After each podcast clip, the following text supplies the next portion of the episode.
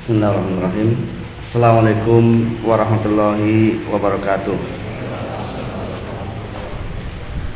Innal hamdalillah nahmaduhu wa nasta'inuhu wa nastaghfiruh wa na'udzu billahi min shururi anfusina wa sayyiati a'malina. May yahdihillahu fala mudilla lahu wa man yudlil fala hadiyalah. Asyhadu an la ilaha illallah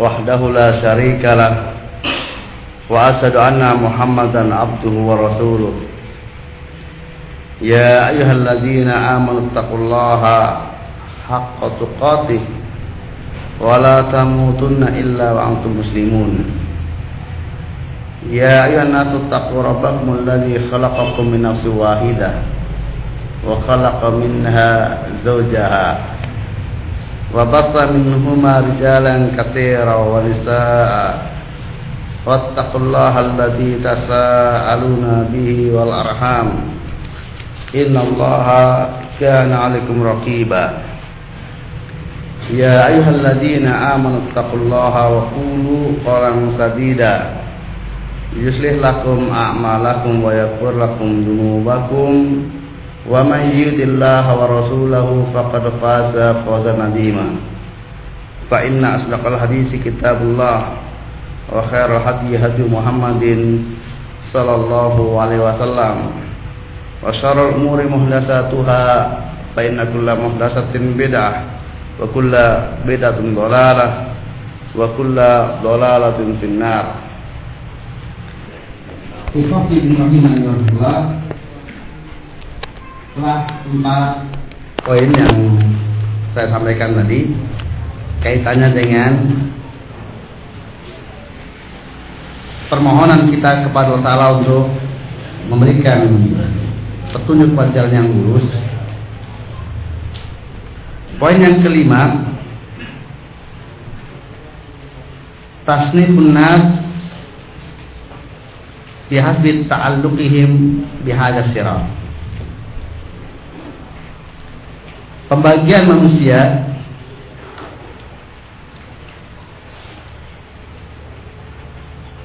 Sesuai dengan kadar keterkaitan mereka dengan jalan ini. Dengan jalan yang lurus ini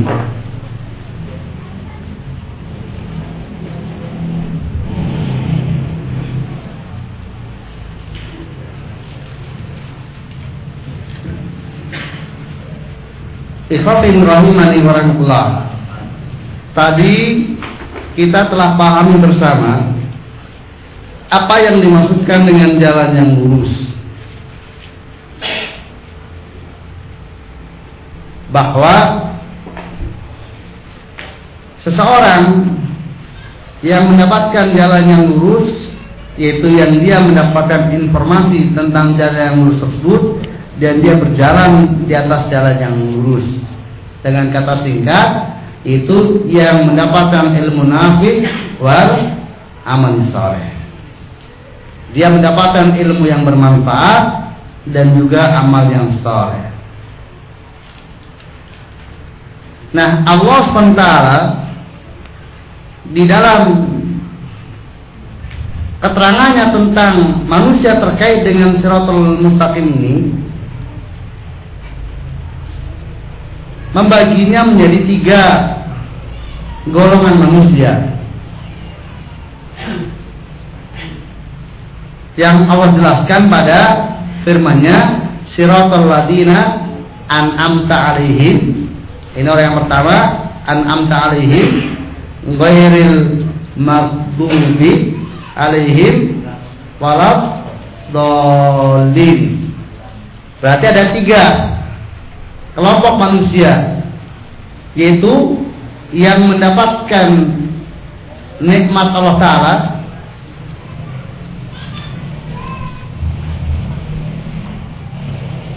dengan siratul mustaqim yang seutuhnya yaitu yang berilmu tentang siratul mustaqim dan yang mengamalkan siratul mustaqim.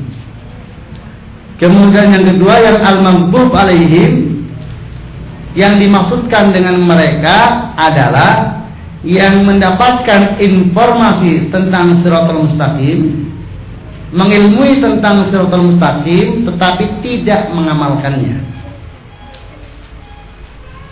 Adapun yang ketiga adalah yang tidak mendapatkan informasi dan juga tidak mengamalkannya. Jadi mereka rajin beramal tetapi dalam kesesatannya dengan amal yang salah, amal yang keliru.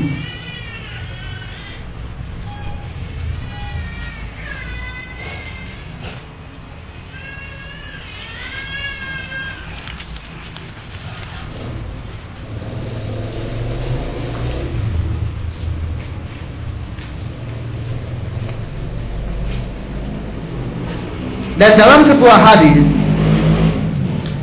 dari Ali bin Hatim atau Iradlan bahwa Rasulullah Shallallahu Alaihi Wasallam pernah bersabda bahwa al maghdub al yahud al maghdub alaihim wan nasara abdolun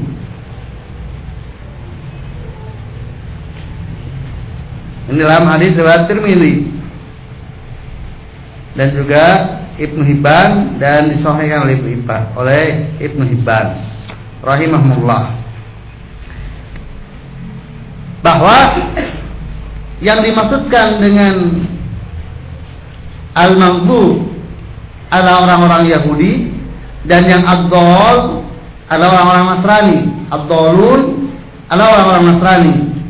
Di mana orang-orang Yahudi mereka mengenal kebenaran tapi tidak mengamalkannya. Ya'rifunahu kama ya'rifuna abnahum. Mereka mengenal kebenaran bagaikan mengenal anaknya sendiri, tidak samar tentang kebenaran tersebut, tetapi mereka tidak mendapatkan petunjuk untuk mengamalkannya. Sementara Nasrani, mereka rajin beramal, rajin beribadah, tetapi ibadah mereka dibangun di atas bid'ah. Ya, tidak sesuai dengan petunjuk yang disampaikan Rasul kepada mereka. Adapun yang an'amta alaihim Orang-orang yang mendapatkan nikmat dari Allah Taala adalah sebagaimana yang Allah ceritakan, sampaikan dalam ayat yang lainnya. Ulaikal ladina an'amta 'alaihim minan nabiyyina wasiddiqina wasuhada wasolihin wa hasuna ulaika rafiqa. Bahwa orang-orang yang mendapatkan nikmat dari Allah Taala adalah mereka dari para nabi, para siddiqin, para suhada, dan as-solihin, orang-orang yang yang soleh. Dengan demikian maka ikhwafidin rahimani warahmatullah Barang siapa yang ingin mengetahui jalan yang lurus apabila secara teori dia susah maka tinggal lihat saja ikuti saja para nabi para sidikin, para suhada dan orang-orang soleh. Para nabi ala roksi Muhammad sallallahu alaihi wasallam. Maka teladani bagaimana Nabi sallallahu alaihi wasallam. Kemudian para siddiqin. Ala roksi Abu Bakar Siddiq Sehingga pernah seorang ulama ditanya tentang apa itu siratul mustaqim. Siratul mustaqim Abu Bakar Siddiq. Siratul mustaqim Abu Bakar Siddiq. Jadi untuk memudahkan orang. Artinya kalau kamu ingin berjalan di atas siratul mustaqim ikuti saja Abu Bakar Abu Bakar sudah mati. Kemudian disebutkan tokoh salah sudahnya. Itu juga sudah mati sebutkan sudahnya. Dan terus sampai kemudian disebutkan tokoh ahlu sunnah wal jamaah yang berjalan di jalan yang benar pada zamannya. Karena Allah Taala pasti memunculkan pada setiap masa tokoh-tokoh yang sebagai panutan bagi umat ini bagi barang siapa yang ingin meniti syaratul mustaqim. Maka dia bisa mencari siapa tokoh hari ini yang diakui dan dikenal bahwasanya jalan hidupnya adalah di atas siratal mustaqim.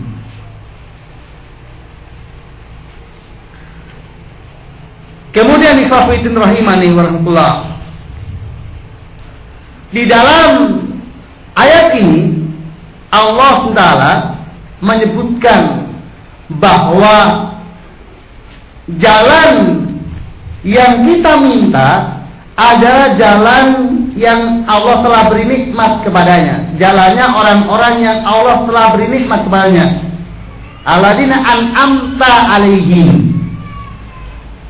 Sementara ini disebutkan dinisbahkan kepada Allah. Sementara untuk jalan yang sesat itu tidak dinisbahkan kepada Allah, tapi al-maghdub alaihim wadhalin. Apa faedahnya?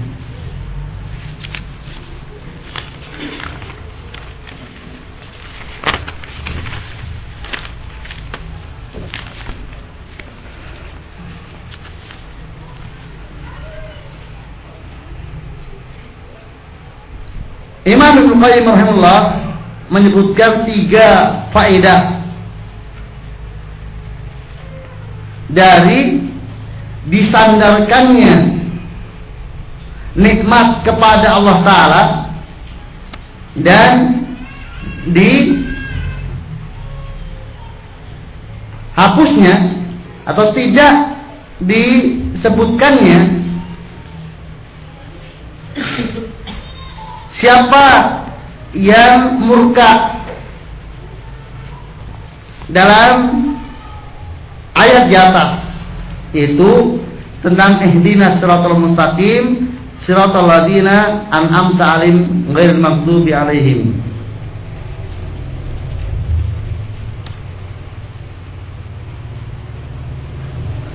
Yang pertama, faedah yang pertama untuk menunjukkan bahwasanya nikmat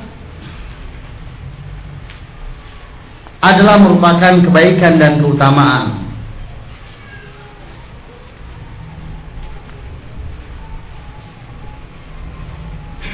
Nikmat itu merupakan kebaikan dan keutamaan dari Allah Taala.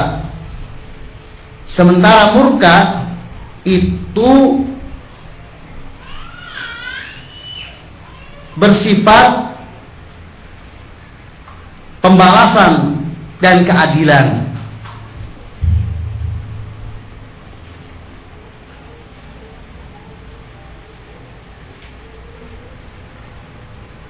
Sementara rahmat Allah Ta'ala itu lebih dominan dibandingkan murkanya. Oleh karena itu, disandarkan kepada Allah dua perkara salah satu di antara dua perkara tersebut yang paling utamanya dan yang paling kuatnya. Maka ketika rahmat Allah Ta'ala adalah lebih dominan dibandingkan murkanya, maka yang disandarkan kepada Allah yang rahmatnya. Bukan yang keadilannya dan pembalasannya. Karena itulah yang lebih dominan bagi Allah Ta'ala yang lebih kuat yang ada pada Allah Taala. Inna rahmati sabaqat ghadabi. Kata Allah Taala dalam hadis qudsi, sesungguhnya rahmatku itu mendominasi, menang, lebih kuat dibandingkan murkaku. Dengan demikian maka kalau ada seseorang yang justru dia mendapatkan al-maghbu dan terluput darinya Anikma itu menunjukkan bahwa orang tersebut adalah memang orang yang sama sekali tidak pantas mendapatkan anugerah kenikmatan dari Allah Taala. Bagaimana bisa bahwasanya Allah Taala itu rahmatnya amat sangat kuat, kok sementara dia tidak mendapat mendapatkannya. Suatu saat Nabi Shallallahu Alaihi Wasallam pernah bertanya kepada para sahabatnya ketika para sahabat melihat sebuah kenyataan yang itu akan lebih mudah menggambarkan kepada mereka berapa betapa tingginya kasih sayang Allah Taala. Ada seorang ibu gelisah mencari ke sana kemari tentang anaknya yang terlepas darinya akibat peperangan. Maka kemudian dia dapatkan bahwasanya anaknya yang masih kecil, yang masih menetes itu ada di penampungan anak-anak. Maka langsung diambilnya kemudian ditetei oleh ibunya tersebut. Nah, ketika Nabi melihat para sahabat menyaksikan kenyataan yang demikian, maka Nabi bertanya kepada mereka, apakah mungkin si ibu ini mencampakkan anaknya ke dalam api? Serentak para sahabat menjawab? Tidak mungkin. Tidak mungkin seorang ibu yang demikian kelihatan kasih sayangnya kepada anaknya kok kemudian rela tega mencampakkan anaknya ke dalam api. Maka dalam keadaan mereka sudah memahami betul betapa kasih sayang ibu itu kepada anak tersebut, Nabi bersabda, "Wallahu arhamu bi ibadi min hadil mar'ah biwaladiha." Dan Allah itu lebih kasih sayang terhadap hambanya dibandingkan si ibu tadi terhadap anaknya.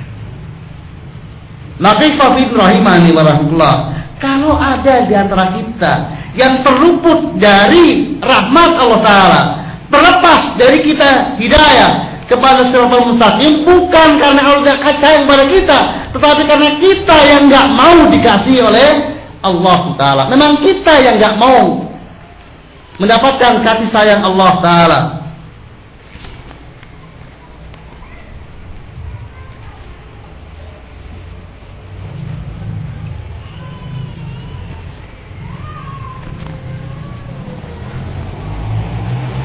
Maka kesesatan yang kita dapatkan waliyadzubillah apabila Allah mencabut dari kita hidayahnya adalah karena kita memang memilih sesat. Falama jahu azaghallahu qulubahum. Maka tatkala mereka memilih untuk menyimpang, maka Allah palingkan mereka, Allah palingkan hati mereka.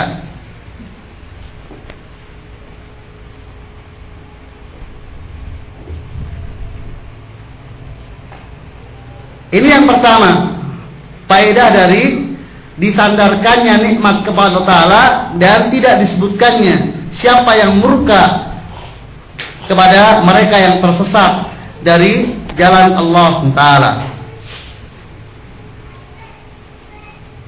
Kemudian yang kedua,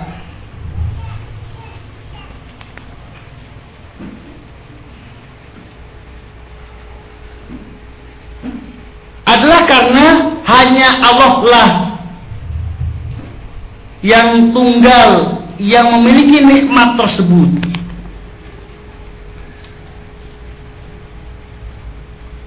Jadi hanya Allah semata lah yang memberikan kenikmatan berupa hidayah kepada jalan yang lurus tersebut. Sebagaimana firman Allah Taala, "Wa ma bikum min nikmatin fa minallah." apa pun yang kalian dapatkan dari kenikmatan berupa kenikmatan maka itu dari Allah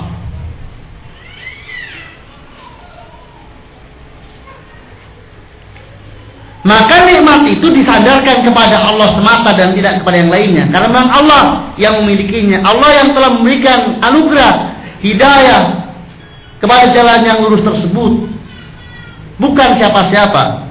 Maka dialah yang pantas untuk mendapatkan penyandaran tersebut.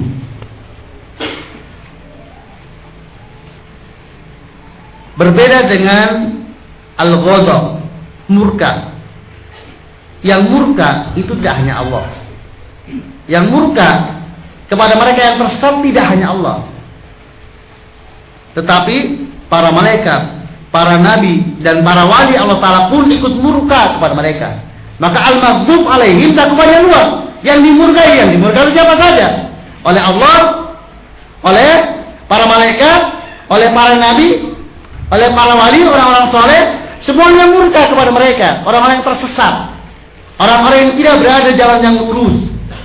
Berbeda kalau yang memberikan nikmat itu hanya Allah saja.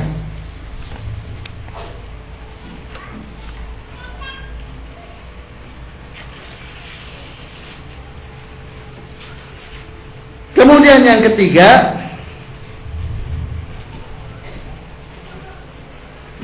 di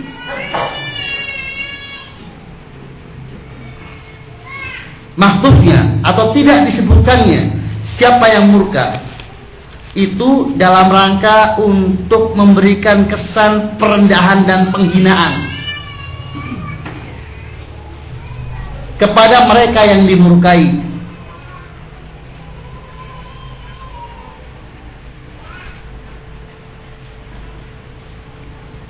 Jadi menunjukkan bahwa mereka itu hina, hina dina rendah. Maka nggak perlu disebutkan siapa yang murka kepadanya.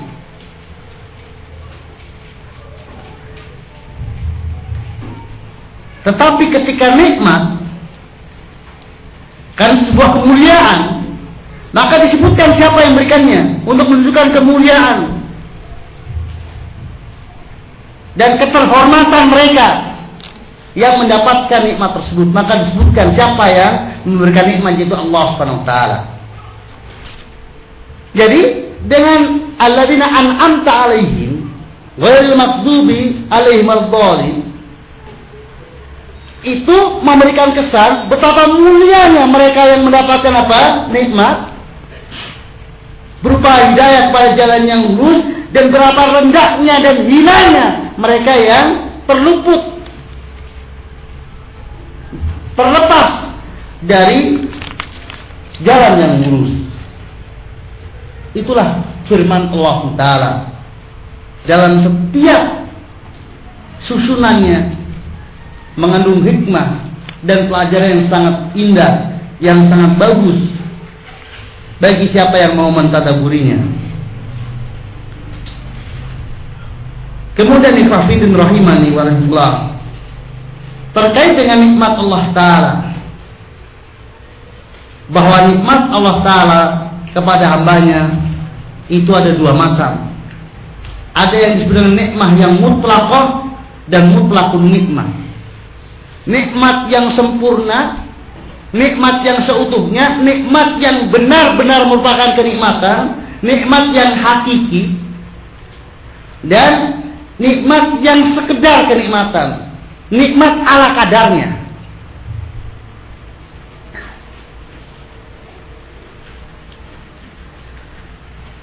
Nah, siratal mustaqim ini di antara bentuk nikmat yang mutlak di mana siapa yang mendapatkannya berarti dialah orang-orang yang betul-betul mendapatkan nikmat.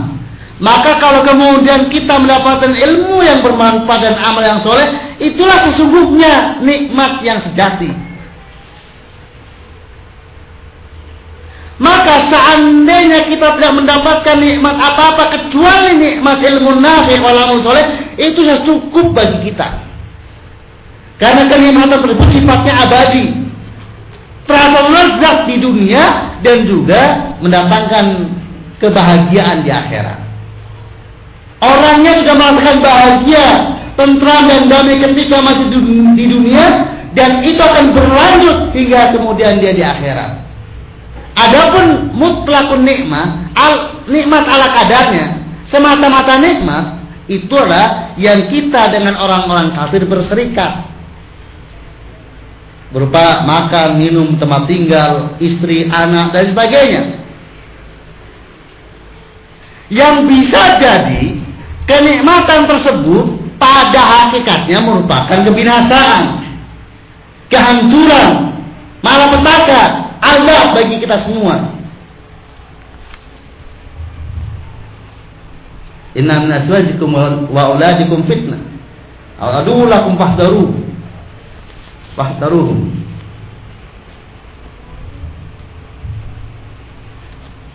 kan sebagian dari anak dan istri adalah musuh bagi kita waspadalah jangan sampai kemudian kepemilikan kita anak istri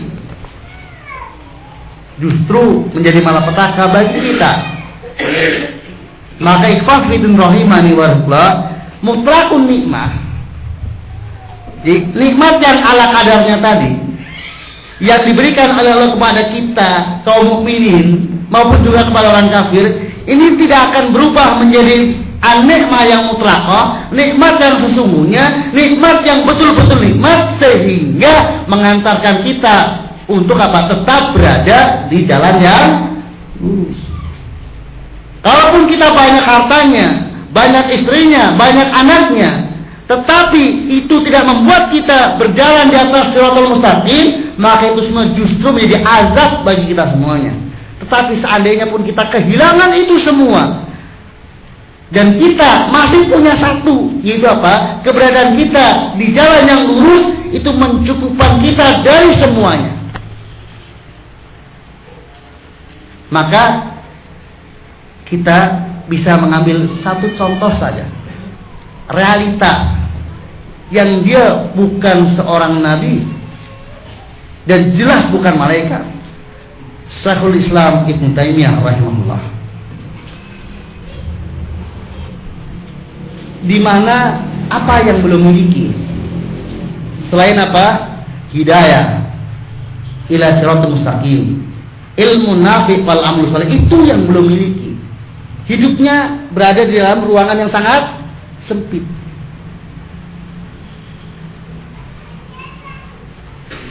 di dalam penjara bertahun-tahun. Tetapi muridnya Imam Ibn Qayyim Allah tidak pernah melihat beliau kecuali dalam keadaan bahagia.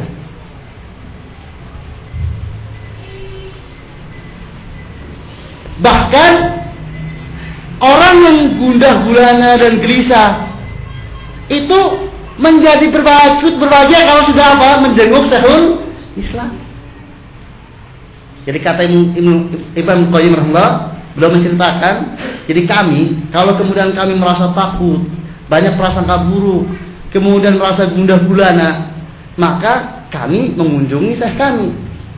Dan cukup dengan melihat beliau dan berbincang-bincang dengan beliau, semua perasaan itu hilang. Di perasaan gundah gulana itu hilang. Itulah saya Islam. Padahal harta nggak punya, istri nggak punya, anak apalagi dia sendirian. Dia nggak punya apa-apa kecuali ilmu nafi wala malus soleh hidup dalam ruangan yang sangat sempit.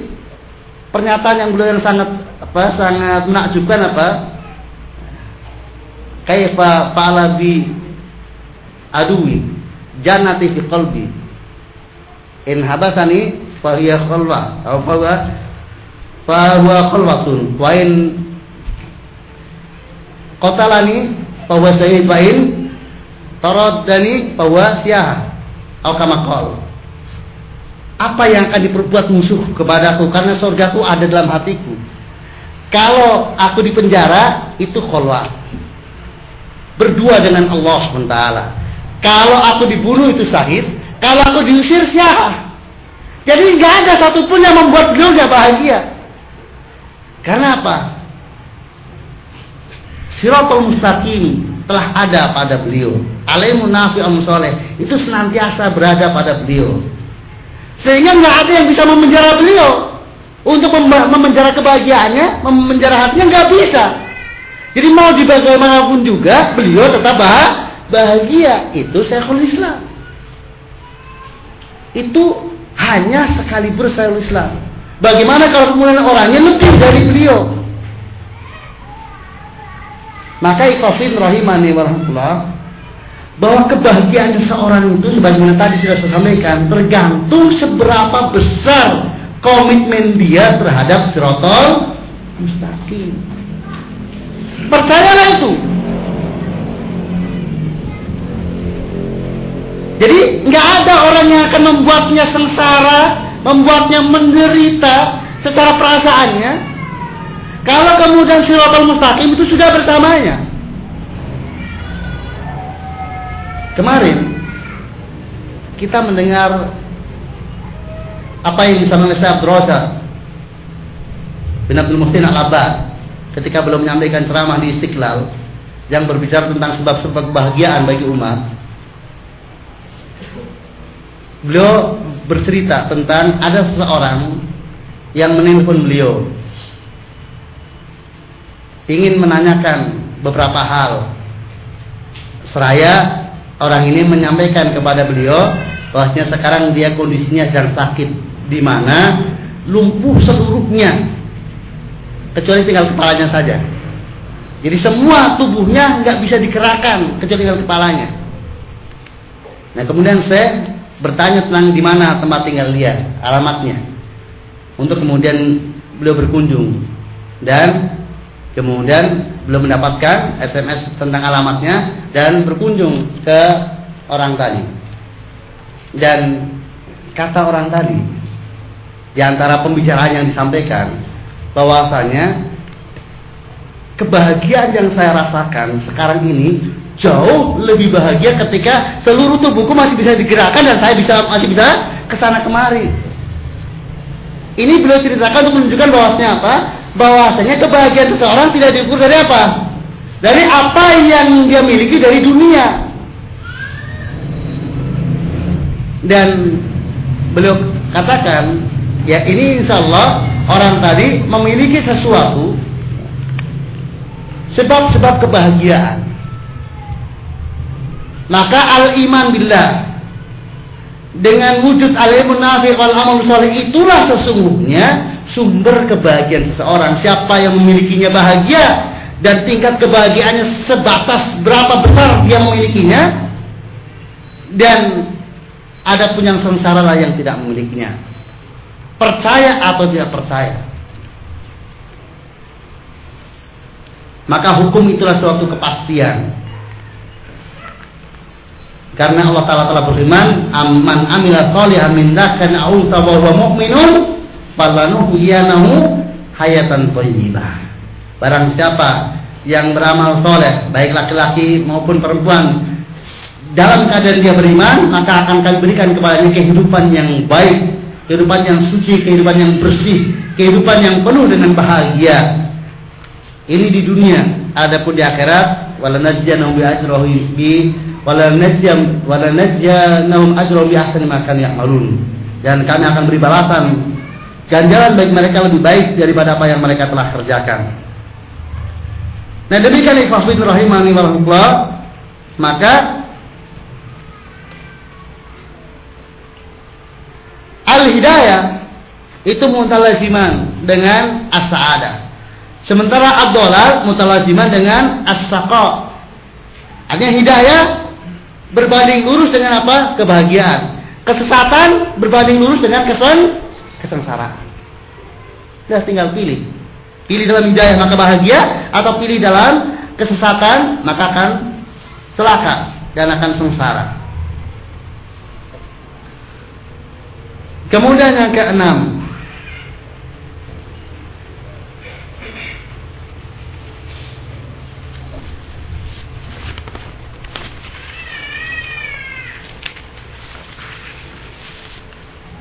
Yang keenam tentang fawaid fit tanbih ala rafiq fi hadat. Beberapa faedah adanya tanbih dari Ta'ala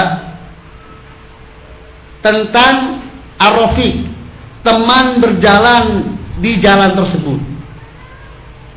Alladzina an'amta alaihim. Di sini ada tanbih dari tentang siapa orang yang telah berjalan di jalan tersebut yang dijelaskan dalam ayat yang lainnya minan nabiyina wasiddiqin wasuhada was solihin.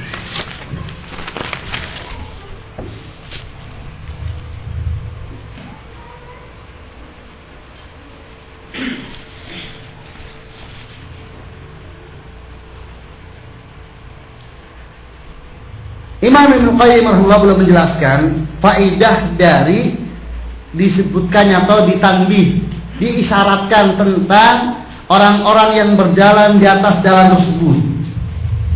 Belum sampaikan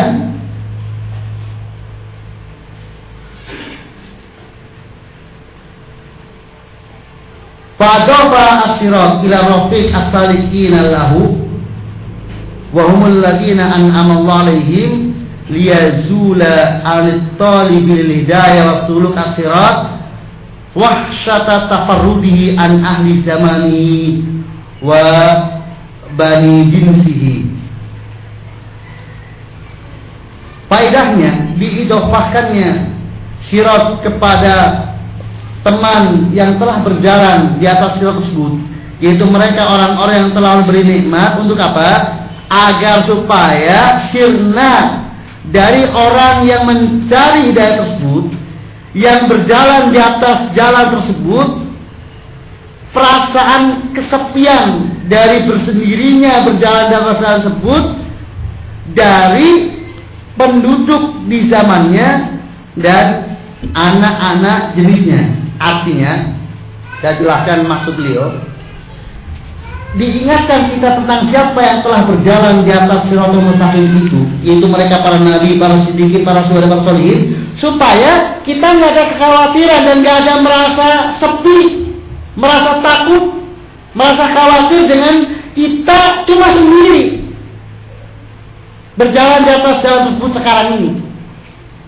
Karena telah telah ada di depan kita orang yang apa? Yang berjalan di jalan ini dan selamat. Maka walaupun kita sekarang sendirian nggak masalah. Tidak ada satu, tidak ada seorang pun di kampung di mana dia tinggal kecuali kita yang meniti siratal mustaqim nggak masalah. Mau dikucilkan semua manusia nggak masalah. Karena apa? Jalan ini sudah ditempuh. Jadi kalau kita tahu ada jalan, bahwasanya jalan ini kita tahu persis. Ini sudah banyak orang lewatin dulu dan sudah sampai. Kemudian kita sekarang berjalan sendirian. Nggak masalah masih akan apa? Akan capek juga. Walaupun nggak sendirian nggak masalah. Kalaupun banyak orang ke sana itu akan tersesat. Saya tahu ini sudah sudah dilalui jalan ini gitu. Lah kok ke sana kemari ngapain? Walaupun nggak ada yang namanya nggak masalah, akan sampai. Itu maksudnya. Jadi nggak usah kemudian apa eh, terperdaya dengan apa? Dengan banyaknya orang yang menyelisih. Maka belum sampaikan. Fala yaktarisu bi mukhalafatin nakibin anhulah fa innahum humul aqallun qadran wa in kanu al aktsarina adadan. Maka ya jangan kemudian terperdaya dengan orang-orang yang menyelisih dari jalan tersebut dari berjalan di atas yang tersebut. Karena sesungguhnya mereka itu rendah kedudukannya walaupun mereka banyak jumlahnya sebagaimana sebagian salaf menyampaikan belum nukil alaika fitorikil haq wala tastauhasu likilati salikin wa iyyaka wa tariqil batil wala takhtar bi kasratil halikin ini kalimat yang sangat bagus. Nasihat dari salaf untuk kita semuanya. Wajib bagi anda untuk berjalan di atas jalan yang hak dan jangan khawatir jangan merasa gentar dengan sedikitnya orang yang berjalan di atas jalan tersebut dan waspadalah, jauhilah dari jalan yang batil serta jangan kamu terperdaya dengan banyaknya orang yang akan binasa yang mereka melalui jalan yang batil tersebut. Maka beliau nasihatkan Imam Qayyim setiap Anda merasa khawatir dengan kesendirian merasa takut dan merasa kesepian dengan sendirian, maka lihatlah kepada teman yang sudah mendahului. Kepada mereka yang sudah lebih dahulu menempuh jalan tersebut. Dan bersungguh-sungguhlah untuk kemudian bisa bergabung bersama mereka. Dan pejamkanlah mata dari yang selain mereka. Karena sesungguhnya mereka itu yang menyimpang tadi tidak akan bisa menyelamatkan kamu dari azab Allah sedikit pun. Jadi walaupun kita lihat dengan mata kepala kita, mendengar dengan telinga kita, dan dengan tawaran-tawaran yang luar biasa yang mereka tawarkan untuk kita bergabung bersama mereka yang tidak berjalan di atas siratul mustaqim ini, maka jangan terperdaya. Kita senantiasa ingat siapa yang telah di depan kita, minan nabiyyin wasiddiqin wasuhada wa itu yang telah di depan kita. Maka pandangan kita kepada yang sudah berjalan di depan kita. Gak usah kemudian tengok kanan kiri. Kata apa? Pepatah itu apa ya? Jawab, dok. Itu sebenarnya larinya lebih cepat dibandingkan apa? Anjing, ya kan? Tapi karena kalau lari dia sambil apa? tengok-tengok gini akhirnya malah ketangkap juga kejar juga lambat jadinya maka kalau sudah tahu hak benar jalan aja terus, nggak usah tanya-tanya. Nanti, uh, jangan jalan. Ah, akhirnya nggak sampai-sampai, tertarik ke sana, tertarik ke sini. Sudah lurus saja, jalan. Maka jangan terperdaya dengan banyaknya orang-orang yang akan binasa dan jangan merasa takut dengan sendiriannya dan kesepiannya. Asal kita sudah yakin bahwa inilah ilmu nabi wal amal soleh, jalan dan lanjutkan kejar yang sudah pada berjalan di depan untuk kita bisa bergabung bersama mereka. Maka beliau sampaikan apabila ada yang meneriaki kamu di jalan di dalam perjalananmu, maka jangan kamu toleh kepada mereka. Maka ya. setiap kamu menoleh kepada mereka itu akan membuat kamu lambat.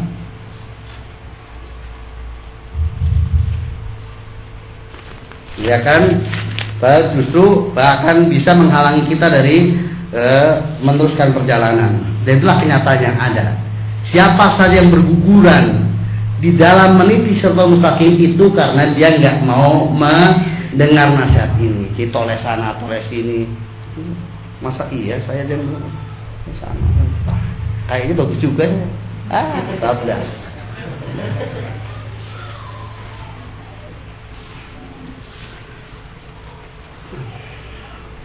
Demikian Hafidin rahimani wa rahmatullah.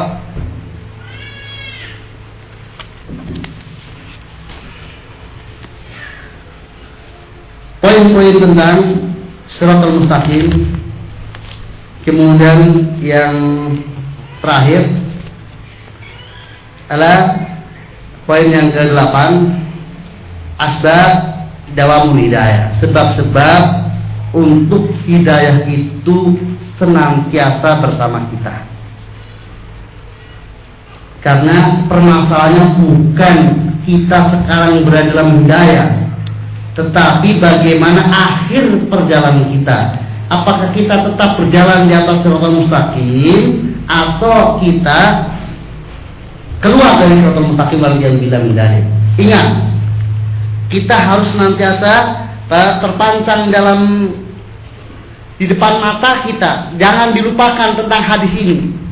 Wa inna rajula layak malu bi amali ahli jannah hatta ma yakunu baina wa baina illa dira fayasbiqul kitab malu bi amali ahli nar fayadkhulaha. Sungguh ada seseorang yang dia senantiasa menempuh jalan beramal yang akan menyebabkan dia masuk surga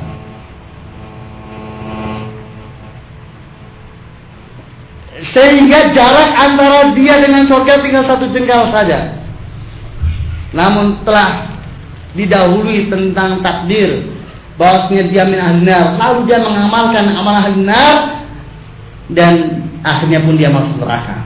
Artinya, selama nafas kita masih bergerak, maka tak ada seorang pun di antara kita yang merasa aman bahwasanya kita akan menutup hidup kita di atas siratal mustaqim. Sehingga kita harus menempuh sebab-sebab untuk supaya hidayah itu terus bersama kita sampai ajal menjemput kita. Saya sampaikan beberapa hal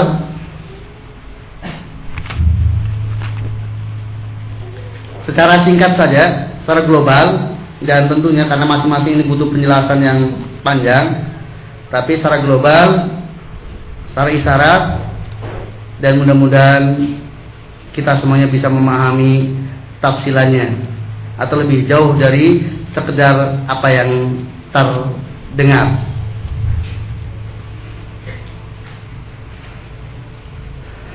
Delapan asbab.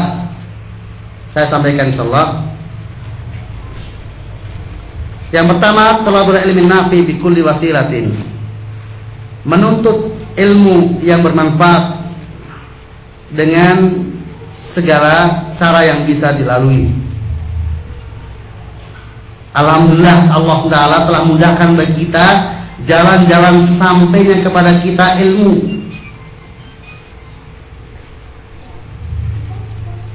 Sekarang untuk memiliki ribuan kitab tidak harus kemudian keluar uang banyak.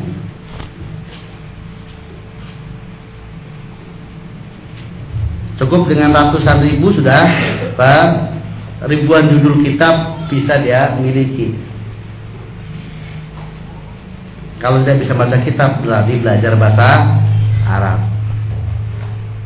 Dan buku-buku terjemahan Alhamdulillah sekarang banyak sekali penerbit yang mengkhususkan terjemahannya khusus buku-buku yang akan memberikan ilmu nafi dan berdampak amal soleh bagi pembacanya.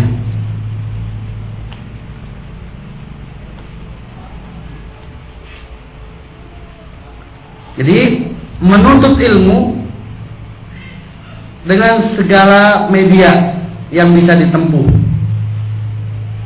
Yang pertama, yang menunjukkan penentuan ilmu secara umum. Kemudian yang kedua, ini yang lebih khusus walaupun termasuk bagian yang pertama. Itu al-hudur fi majalisil ilm wa halaqatil dzikr. Menghadiri majlis-majlis ilmu dan halaqah zikir. Maksudnya lah yang diingatkan dalam halaqah tersebut tentang Allah, surga dan neraka. Disampaikan kepada tentang ilmu nafi. Sama dengan majelis ilmu. Karena beda.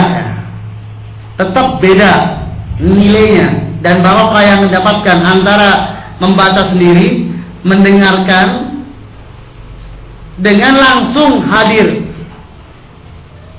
walaupun mungkin sama persis bahkan bisa jadi yang dia dengar kajian yang dia dengar dari CD itu secara materi dan penyampaiannya lebih apa?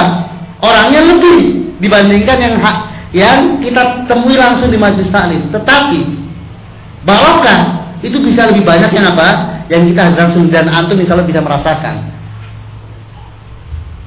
Bahwasanya mulai dari konsentrasinya pun tidak sepenuh sebagaimana seandainya hadir langsung dan perasaan hasil sudah itunya pun semua akan bisa merasakan ya karena memang apa demikian al ilmu semestinya didapatkan dari berguru kemudian hadir di majlis taklim sebagai penyempurna dari apa yang dia dapatkan dari membaca dan media-media yang lainnya. Kemudian yang ketiga julasa solihin. Jadi memiliki teman-teman bergaul yang soleh. Hadis Nabi Ma'ruf tentang perumpamaan teman bergaul yang soleh dan yang su seperti bergaul dengan minyak wangi atau dengan tukang pandai besi.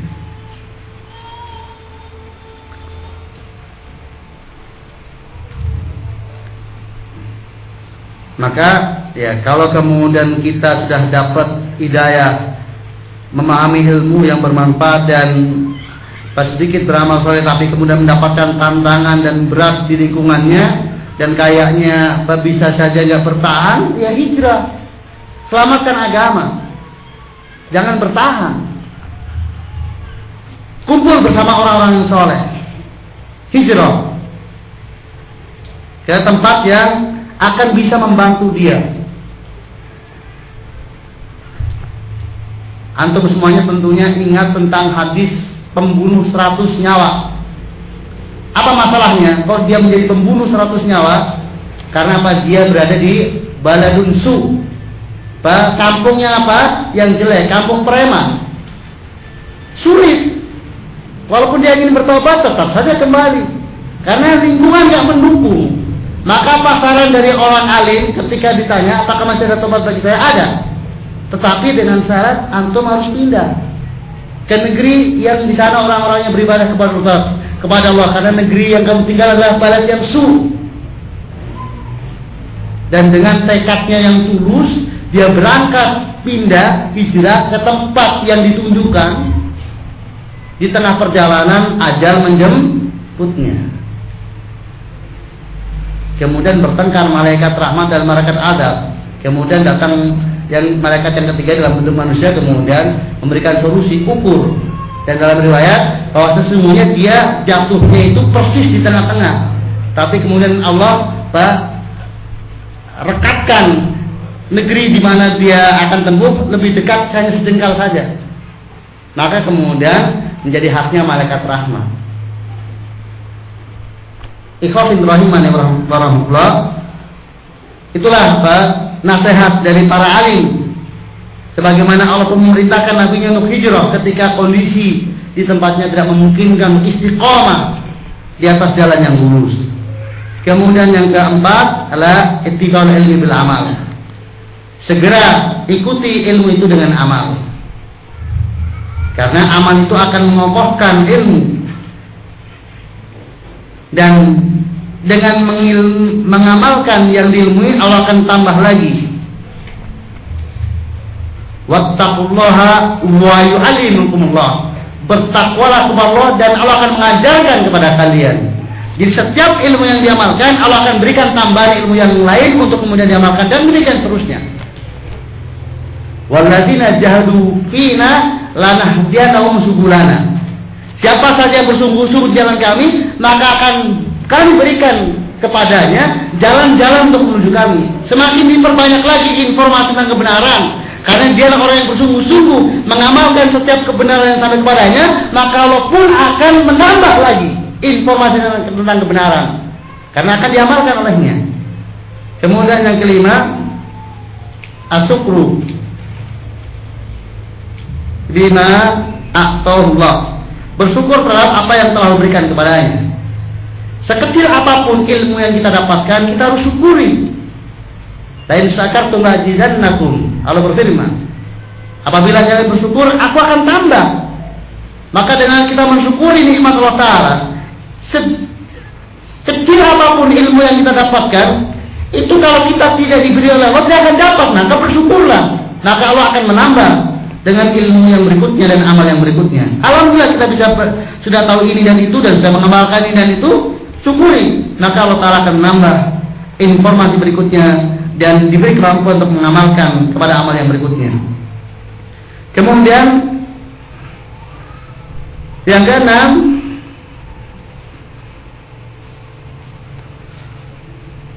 At-tasaddaq at-tasaddaq at-tasaddaq bi ilmihi mensedekahkan ilmunya yaitu dengan mendapatkannya.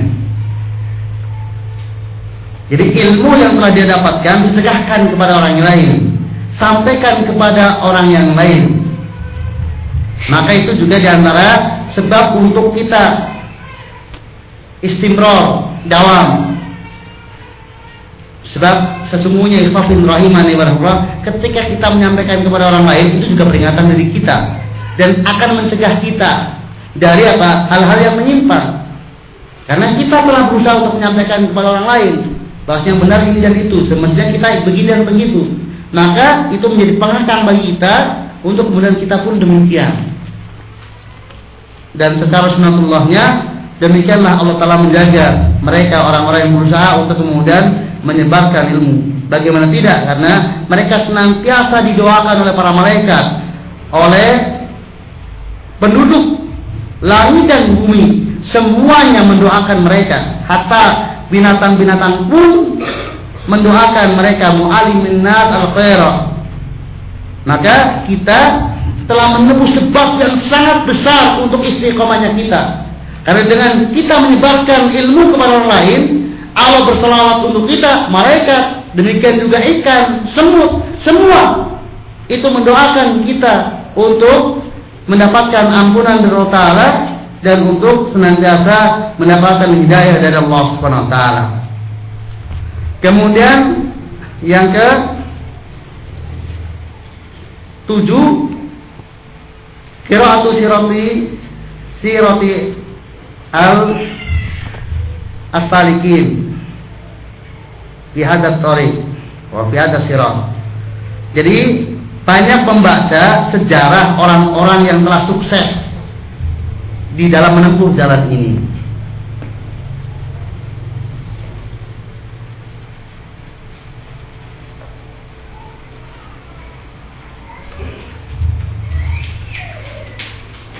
Karena sangat membantu. Ya.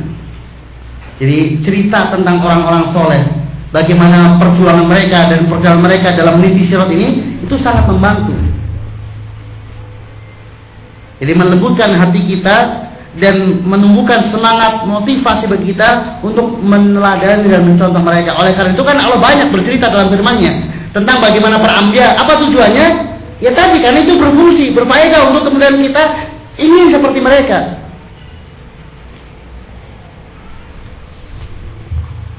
Dan sebaliknya juga apa? Juga bisa dengan banyak membaca tentang apa bagaimana akibat orang-orang yang apa? Yang keluar dari jalan tersebut. Berupa kehancuran, kebinasaan, malapetaka yang didapatkan. Kemudian yang terakhir lah ikhtar doa.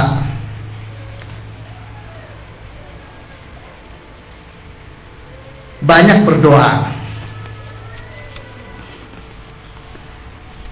Tentunya doa yang dengan sepenuh hati, tidak hanya di lesan. Doa yang dengan perasaan amat sangat butuh kepada Allah Taala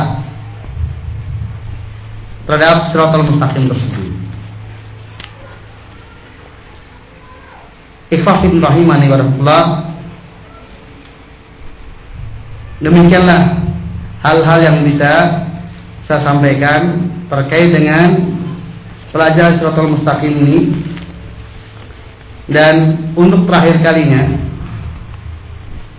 sesuai dengan permohonan sebagian ikhwah dan ini juga ada kaitannya dengan keberlangsungan kita dalam meniti serta mustaqim yaitu kewajiban bagi kita untuk bersabar.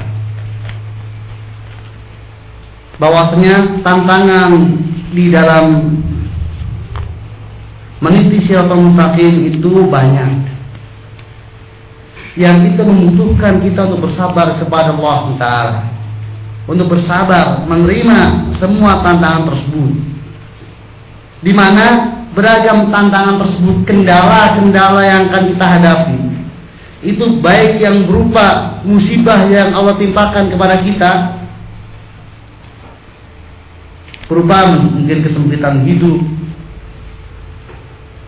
menaksil amwal wal aulad wal ju' atau penyakit yang kita derita dan lain sebagainya. Atau yang terkait dengan gangguan orang lain. Penghinaan pengucilan bahkan penganiayaan yang datangnya dari eh, sesama kita dan dalam kedua hal tersebut kita diwajibkan bersabar kepada Allah Taala. Yang harus kita bangun bahwasanya Allah Ta'ala tidak akan pernah menelantarkan hambanya. Hamba-hamba yang terlantar itu karena dia memang ingin terlantar. Adapun hamba yang bersungguh-sungguh menghadap kepada Ta'ala maka Allah tidak akan pernah menelantarkannya bukankah kita juga mendengar tentang hadis Nabi SAW tentang Siapa yang menuju kepada Allah dengan berlari maka Allah akan berlari. Siapa yang lari dari kecil maka berjalan Allah akan berlari kecil. Yang sejengkal Allah cepat. Artinya apa? Allah itu lebih cepat menghadapnya kepada kita dan menyambut kita dibandingkan perjalanan kita. Sehingga tidak mungkin Maha Allah yang Maha Kasih dan Sayang itu Ketika ada seorang hamba yang menghadap kepadanya yang betul-betul menuju kepadanya, kemudian Allah meninggalkannya dan melantarkannya. Hal kalla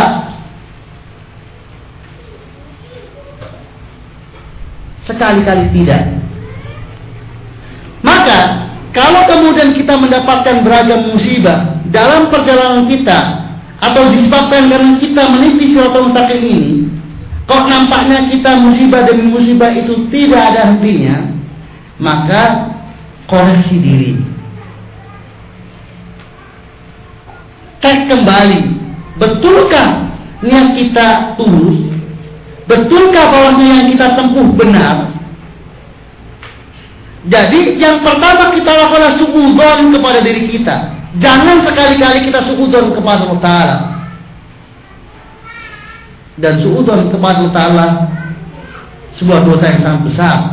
Yang Allah katakan bahwasanya yang suudon kepada Allah Ta'ala seperti orang-orang munafikin dan orang-orang kafir yang biasa untuk bersuudon kepada Allah Ta'ala ada orang mukmin maka tidak pernah kecuali husnudon kepada Allah Subhanahu wa taala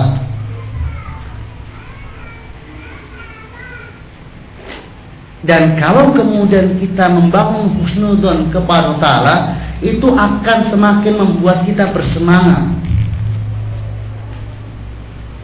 Untuk terus berjalan menuju kepada Ta'ala Karena kita akan memandang bahwasanya Apa pun yang kita terima Dari beragam musibah yang kita kita hadapi ketika kita menempuh ke jalan Allah Itulah wujud dari kasih sayang Allah kepada kita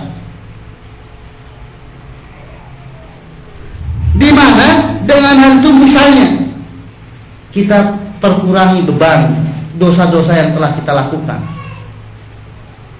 Kemudian sesungguhnya kita dijaga oleh Allah Ta'ala dari mabrur yang lebih besar. Artinya, kalau musibah itu kita tidak terima, bisa jadi kita mendapatkan musibah yang jauh lebih besar. Musibah yang sesungguhnya. Tetapi kalau kemudian kita menghadapi musibah demi musibah yang kita terima, kalau dengan penuh kesabaran, maka sesungguhnya musibah itu menjadi nikmat dan anugerah dari Allah kepada kita. Inna Allah ida ahabba kauman tabtalahu. Kata Nabi Wasallam. Sesungguhnya Allah apabila mencintai suatu kaum maka Allah mengujinya. Faman rodia falu ridho. Maka barang siapa yang ridho pada musibah tersebut, maka dia akan datangkan mendapatkan keridhaan dari Allah taala. Nah, ini yang banyak dari kita tidak menyadari hal ini. Kita mengedepankan sukudon kepada Ta'ala dan apa namanya GR kepada diri kita. Masa saya udah begini-begini masih saja Allah nggak kasih ini dan itu. Apa artinya? Apa yang sudah saya lakukan selama ini kalau kemudian ini juga yang saya dapatkan? Itu adalah karena dia sukudon kepada Allah Taala. Tapi kalau kemudian yang dia ke depan husnudon, wa ana inda abdi kata Allah dalam hadis kunci. Aku sesuai dengan persangkaan hambaku kepadaku. Maka janganlah seseorang kecuali dia berhusnudon kepada Allah Taala. Dan sesungguhnya pembahasan tentang apa husnudon kepada Taala ini panjang. Tetapi siapa yang membangun dalam dirinya husnudon berprasangka baik kepada Taala, maka dia akan bersabar terhadap semua kenyataan yang dihadapi dari kenyataan-kenyataan yang baik itu pasti. Kalau dia punya modal satu ini husnudon kepada Allah Ta'ala terhadap setiap musibah yang dia derita. Dan dia untuk membangun kecurigaan kepada dirinya. Mungkin dia nggak ikhlas. Mungkin dia nggak benar caranya. Mungkin dia belum sempurna di dalam meniti jalannya. Memenuhi kriteria-kriteria yang ada. Sebab dia yakin bahwa Allah tidak pernah menyirisi janjinya. Dan kalaupun kemudian semuanya sudah, maka ini pun bagian dari anugerah Allah Taala. Tidak ada orang yang lebih baik dari siapa pun juga dari manusia yang melebihi para nabi, tetapi mereka mendapatkan musibah yang jauh lebih besar dari kita. Maka taruhlah seandainya kita sudah betul dalam segala sesuatunya, maka musibah yang kita derita dalam bentuk apa pun juga tadi itu sebagai pengangkatan derajat bagi kita sebagaimana yang diperoleh para nabi walaupun kita terlalu jauh untuk kemudian ke sana. Tetapi yang lebih pantas bagi kita lah karena dosa-dosa kita terlalu banyak. Maka kita husnudan kepada Allah Allah sedang mengurangi beban kita daripada kemudian kita mendapatkan akibat dari dosa kita di akhirat secara utuh. Maka itu lebih menderita lagi bagi kita semuanya. Nah, demikian ikhwafidin rahimani warahmatullah. Beberapa hal yang bisa saya sampaikan dalam session yang kedua ini menyempurnakan dari session yang pertama dan tentunya masalah yang terkait dengan uh, pembahasan surat al-musakim ini amat sangat banyak dan apa yang bisa saya sampaikan amat sangat sedikit itu tidak lain dari keterbatasan yang saya miliki dan mudah-mudahan ini sebagai modal pembuka bagi antum semuanya untuk menggali lebih jauh dan lebih dalam tentang hakikat siratal mustaqim.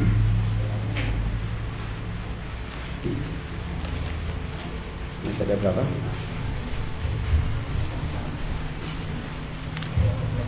sudah jam 12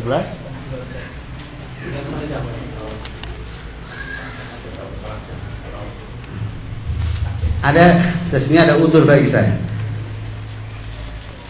kalau harus uh, menyelesaikan sampai menghabiskan waktunya sampai zuhur. Jadi nah, saya harus ya kembali ke Tasik. Dan kalau kemudian sampai zuhur kemudian ya tentunya tidak bisa langsung selesai sholat langsung berangkat sampai Jogja sudah mendekati asar sementara pada asar saya harus berangkat ke Tasik. Ya keluarga saya juga butuh untuk kemudian pertemuan anak saya butuh bertemu dengan apa bapaknya. Maka mohon maaf ya mungkin saya tidak bisa melayani apa pertanyaan sudah tidaknya saya bisa datang lebih dulu ke rumah untuk uh, bisa sedikit berjumpa dengan anak-anak saya sebelum kemudian saya kembali ke Tasik untuk beraktivitas mulai besok. Jadi saya harus sudah ngajar jam 7 pagi, saya sudah harus kemudian ngajar di Tasik dan sampai Tasik biasanya jam 2 malam. Jam 7 harus sudah ngajar. Jadi uh, kalau kemudian saya terlambat harus naik kereta berarti subuh sampai sana kalau naik kereta. Kalau naik kereta subuh sampai sana ya maka apa ya mohon maaf untuk sesi pertanyaan ini apa tidak bisa kami layani dan mudah-mudahan apa dari apa yang saya sampaikan itu membantu untuk menyelesaikan beragam masalah atau pertanyaan dan nanti juga bisa ditanyakan kepada satid yang lainnya yang hadir ke sini. Ifafin rahimani warahmatullah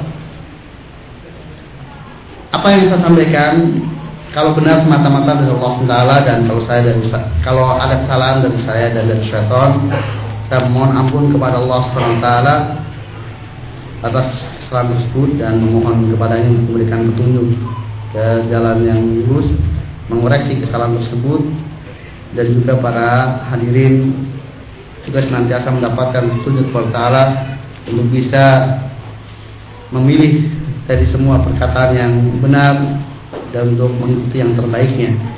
Dan semoga Allah Taala senantiasa menganugerahi taufik pada kita semuanya. Dan atas segala kekurangan saya mohon maaf. Dan mudah-mudahan Allah Subhanahu Wa Taala pertemukan kita kembali dalam majelis yang lebih berbarokah dari hari ini. Kalau tidak di dunia mudah-mudahan di akhirat. Amin. Subhanakallahumma wa bihamdika asyhadu an la ilaha illa anta astaghfiruka wa atubu ilaik